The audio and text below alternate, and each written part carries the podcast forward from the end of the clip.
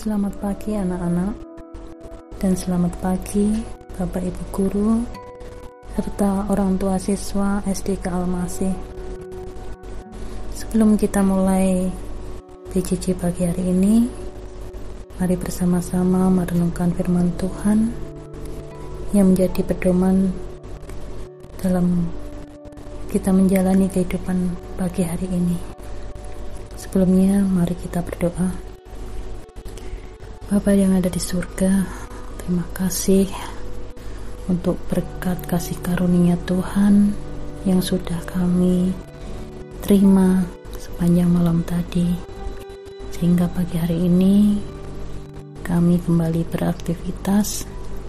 Kiranya Tuhan memberkati kami setiap aktivitas kami, kegiatan kami. Tuhan yang memberkati.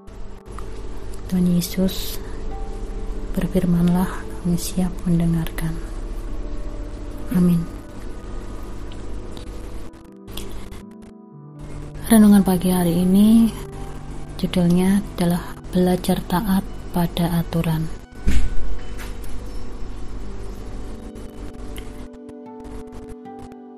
Firman Tuhan diambil dari kitab Kejadian 2 ayat 16 sampai 17. Semua pohon dalam taman ini boleh kau makan buahnya, tetapi pohon pengetahuan tentang yang baik dan yang jahat itu janganlah kau makan buahnya. Demikianlah firman Tuhan. Tito, kamu ingatkan kesepakatan kita? Kamu sudah setuju kalau kamu harus tidur siang. Ayo sekarang tidur siang, kata mama kepada Tito. Tito nggak mengantuk, ma. Aku tidak usah tidur siang ya hari ini. Filmnya bagus sekali, ma. Saut Tito.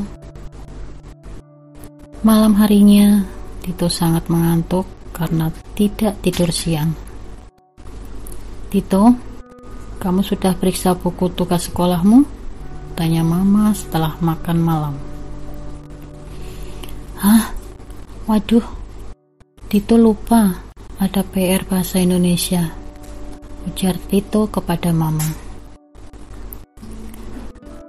Dengan terkantuk-kantuk, Tito mengerjakan PR sampai tertidur di meja belajar.